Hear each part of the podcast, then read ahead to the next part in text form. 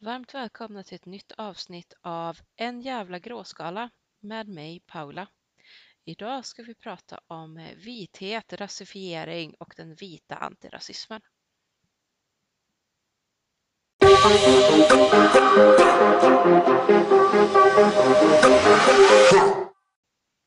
Vithet, rasifiering och den vita antirasismen. Tre begrepp som hänger samman där vi inte fullt ut kan förstå det ena utan att förstå det andra.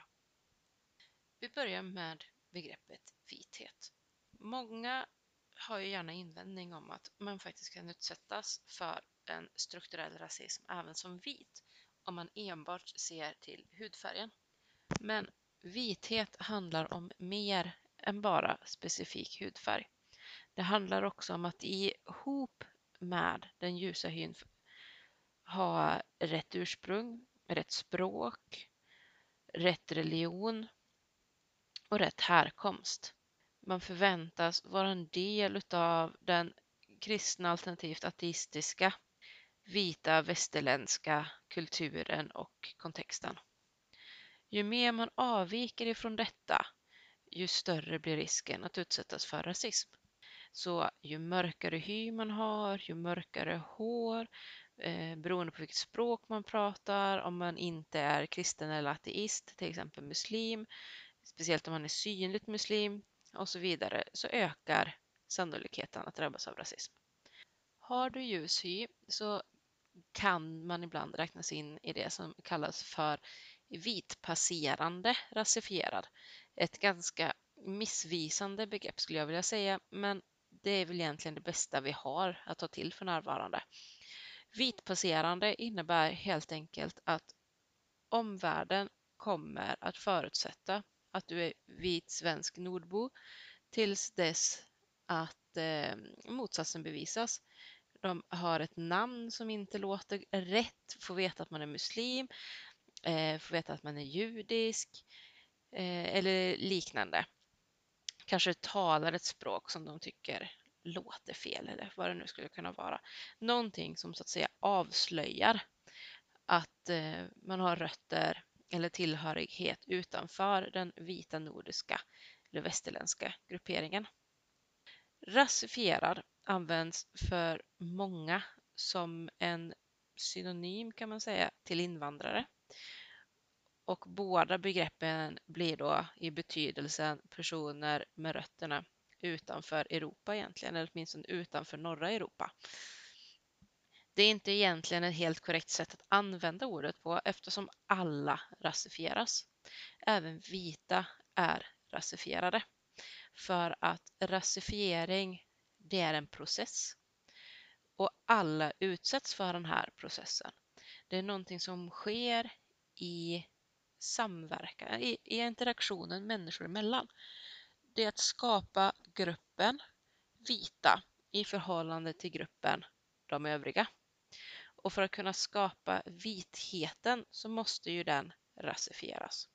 Precis som att grupperingen muslimer, araber, svarta, eh, latinos och så vidare också måste skapas. Så när man pratar om rasifiering så handlar det egentligen om processen fram till skapandet av sociala raser. I Sverige så drar ju folk öronen åt sig och blir ganska upprörda om man använder sig av rasbegreppet. Jag använder mig själv av det för att jag anser att det är det bästa begreppet vi har. För fakta är att vi fortfarande ses som olika raser. Bara det att vi inte längre gör det utifrån någon pseudovetenskaplig biologitanke utan nu pratar man om raser i social bemärkelse. Och vi tillskrivs olika tankemönster, beteenden, sätt att vara på personligheter utifrån hur vi ser ut.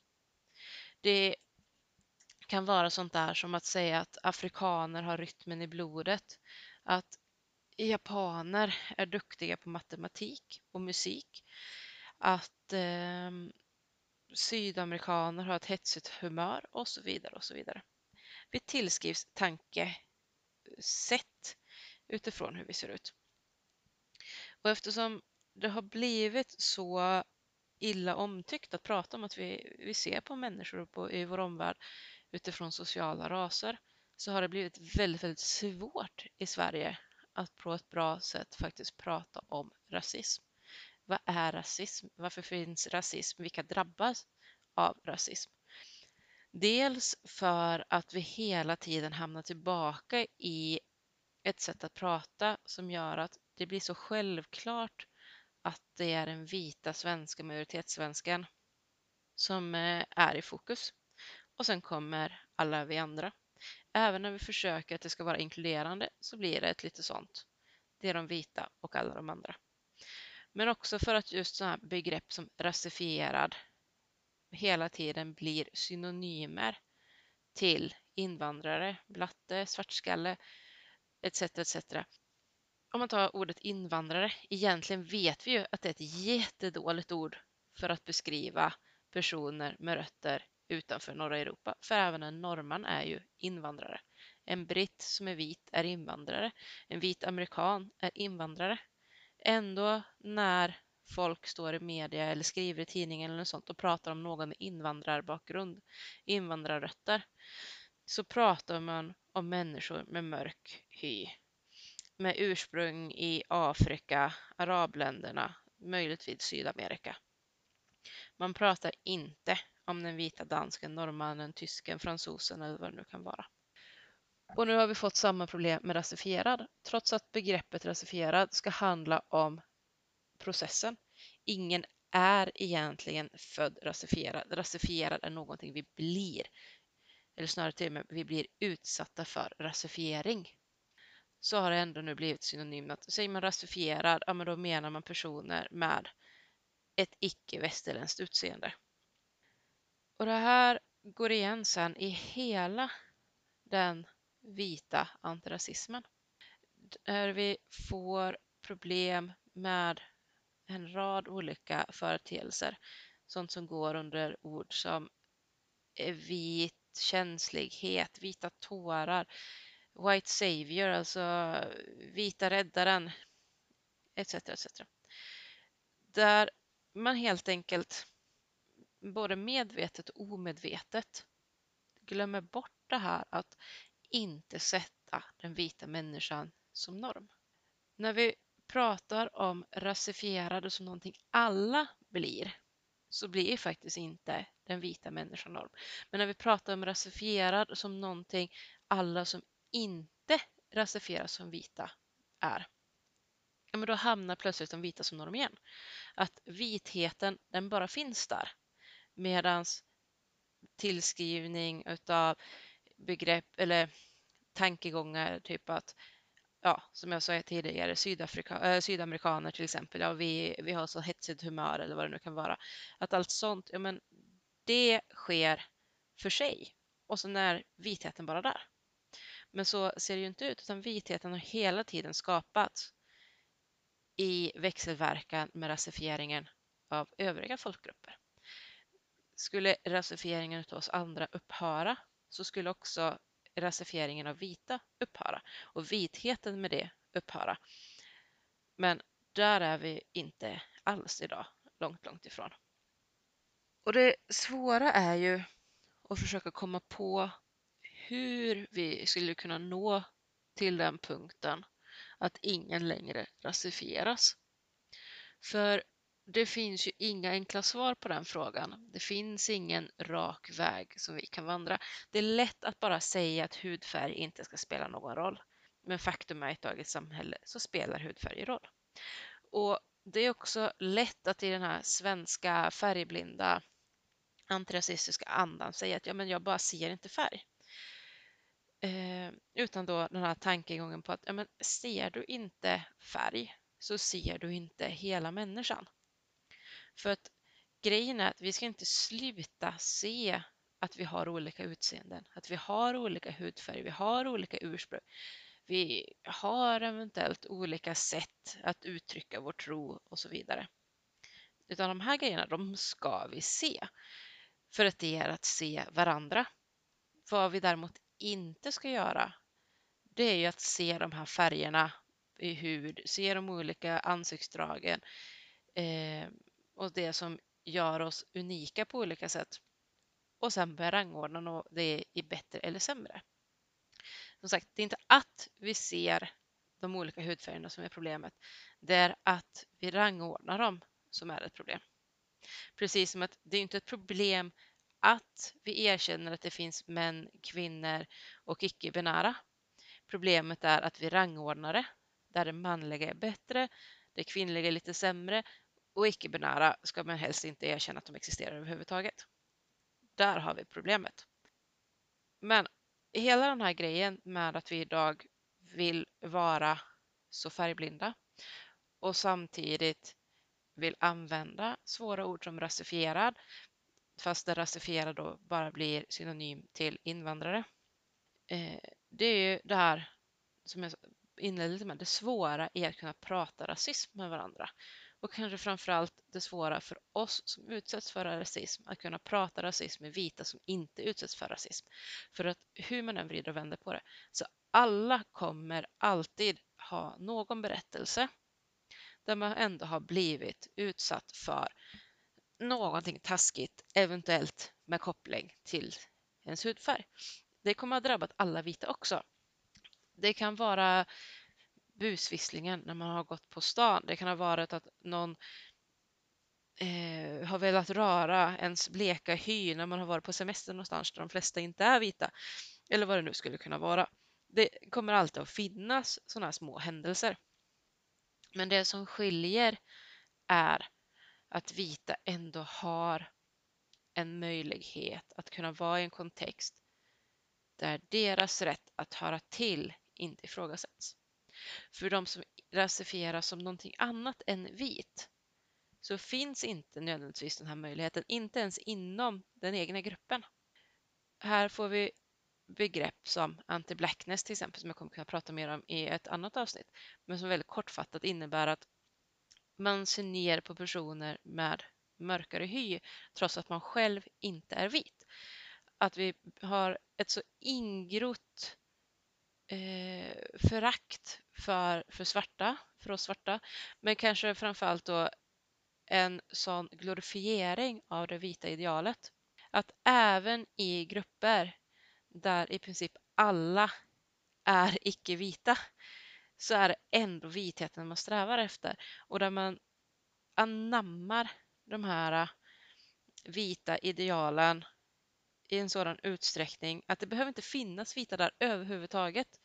Att förstärka det här så kommer det ändå innebära förtryck mot dem som kommer längst bort ifrån den vita normen. Och det är i sådana här grejer vi till exempel kan se populariteten som har varit en period, nu tror jag att den har börjat släppa igen, men där det var väldigt vanligt ett tag i, eller väldigt vanligt, men ja, det skedde eh, att man opererade benen på kvinnor i Asien, framförallt i Japan, för att de skulle bli längre. Eh, det vill säga att man bröt benet, knäckte lårbenet rakt av och sen såg till att det bildades ny benvävnad men då hade som en ställning på benet som gjorde att man sträckte ut benet lite, lite grann långsamt sådär. Så att när den nya benvävnaden eh, bildades så blev benet längre. Och det här gjordes ju för att efterleva det västerländska idealet, det vita idealet av att ha långa slanka ben. Men när vi inte kan prata eh, rasism med varandra för att vi inte vill erkänna det här med sociala raser så hamnar det också ofta i omedveten rasism hos människor. Att eh, framförallt även de mest inbitna vita rasister, eh, antirasister menar jag, förlåt, eh, inbitna antirasister kan eh, agera eller uttrycka sig väldigt rasistiskt och sen blir fruktansvärt kränkta när man påpekar detta. Och det är svårt att hålla reda på eller hålla isär sak och person i sånt här läge. Men det måste försöka göras. Att säga att oj, du uttryckte dig rasistiskt är inte att kalla någon för rasist. Det måste vi kunna hålla isär. Vem som helst kan råka uttrycka sig rasistiskt av okunskap för att rasismen i samhället är strukturell. Den är så ingrodd och alla är vi barn utav det samhälle vi lever i. Så det sitter rasistiska strukturer i oss alla. Men det som skiljer den faktiska rasisten från någon som råkar uttrycka sig rasistiskt, det är ju att den faktiska rasisten inte kommer tycka att den har fel. Att det den sa faktiskt var korrekt information. Eller att attityden den hade mot vissa personer är rimlig. Den kommer försvara åsikterna, försvara handlandet, eh, eventuellt göra om det eller säga ännu värre saker. Problemet då när vi inte har några bra verktyg eller inte tillåter oss att ha några bra verktyg för att prata om rasism och där vi kommer och säger att men nu uttryckte du dig rasistiskt, eh, nu bidrog du till rasifieringen av de här personerna. Det är just den här kränktheten som kan uppstå. Att nej men jag är inte rasist. Och sen tar det i princip slut där. Att personen inte klarar av att gå vidare ifrån att ha blivit utpekad för att ha gjort någonting rasistiskt. Att Man bara fastnar här, men jag är inte rasist. Eh, och det spelar nästan ingen roll i de här lägena hur mycket man brukar försöka bedyra dem att nej, jag vet att du inte är rasist, men du uttryckte dig ändå rasistiskt. Så blir det fortfarande det här, ja men jag ser inte färg, jag tycker inte si, jag tycker inte så. Nej, men det var fortfarande ett rasistiskt agerande. Och väldigt mycket av den här rasifieringen idag, eh, skulle jag säga, inom den vita antirasismen, det kommer ju utav välvilja. Men där välviljan slår väldigt, väldigt fel. Det är saker som att till exempel säga till mig som adopterad, eh, det här att ja, men jag tänker inte på dig som mörkhyad. Jag tänker på dig som svensk. Som att det här på något sätt skulle utesluta varandra. Jag är mörk i hyn, men jag är också svensk.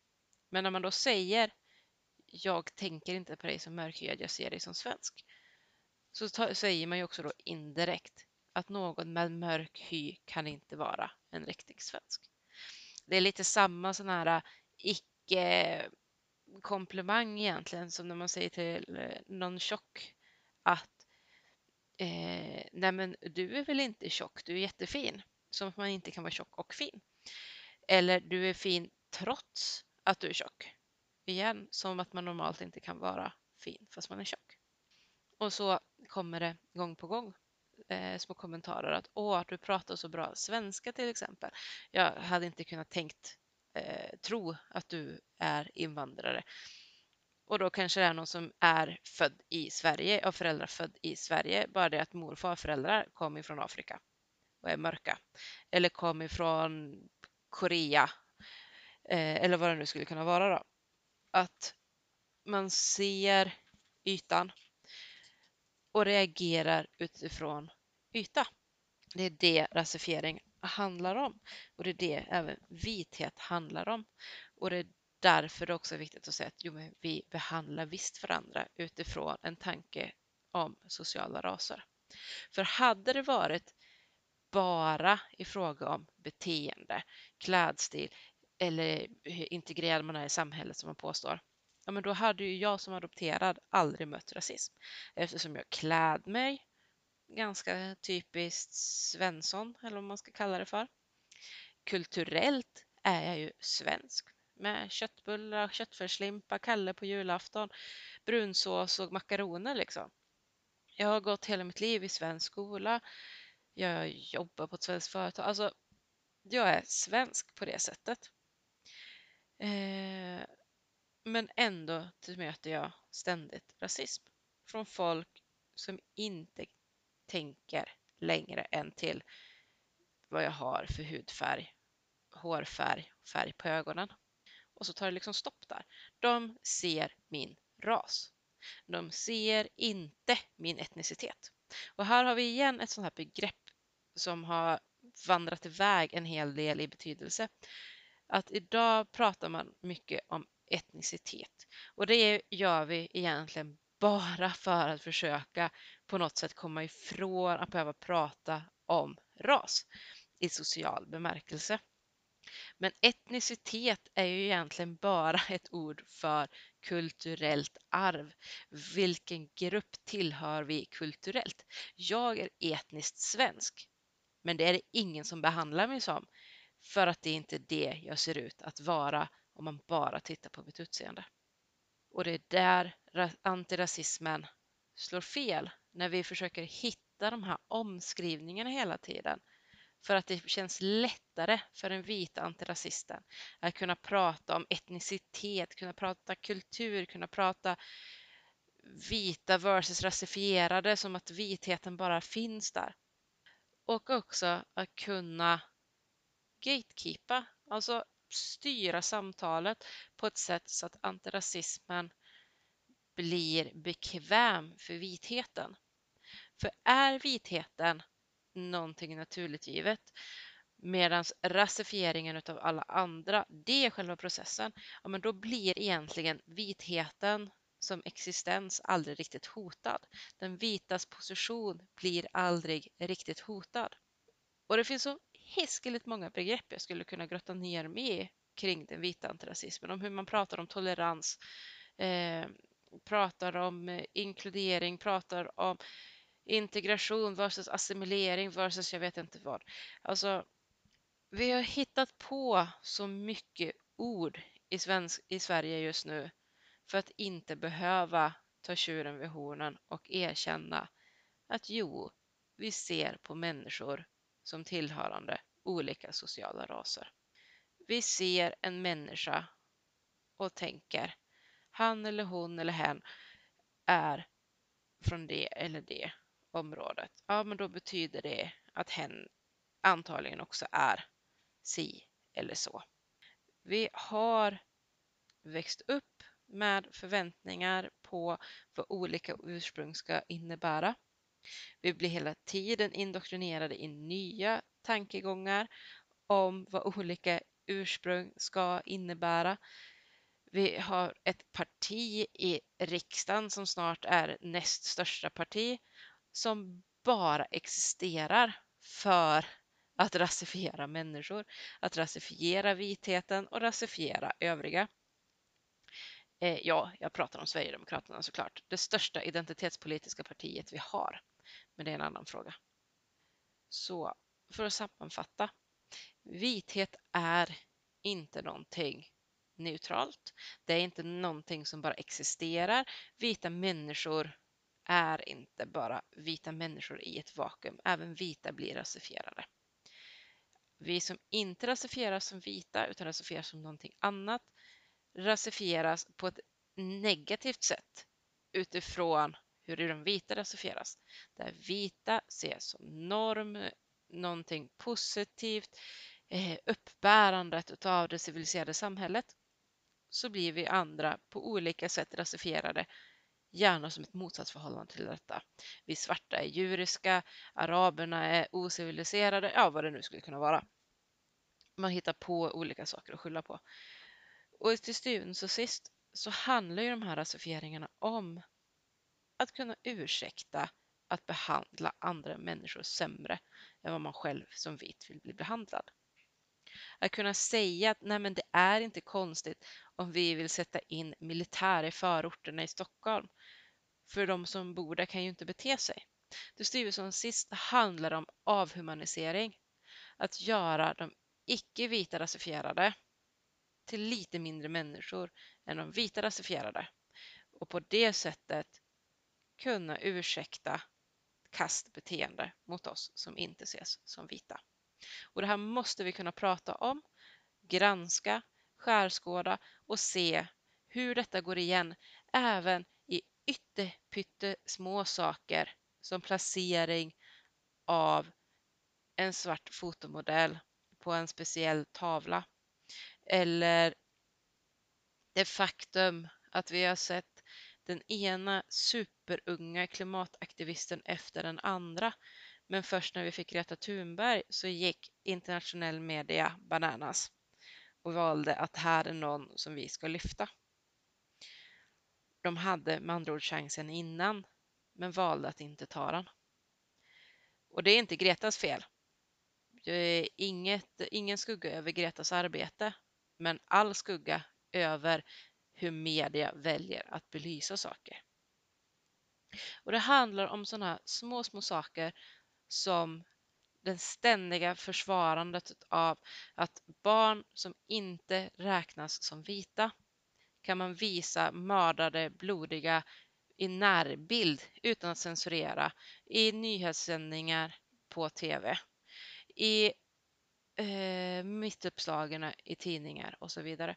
Och där man sen hävdar att jo, men vi måste göra så här för att förstå allvaret i det som har hänt.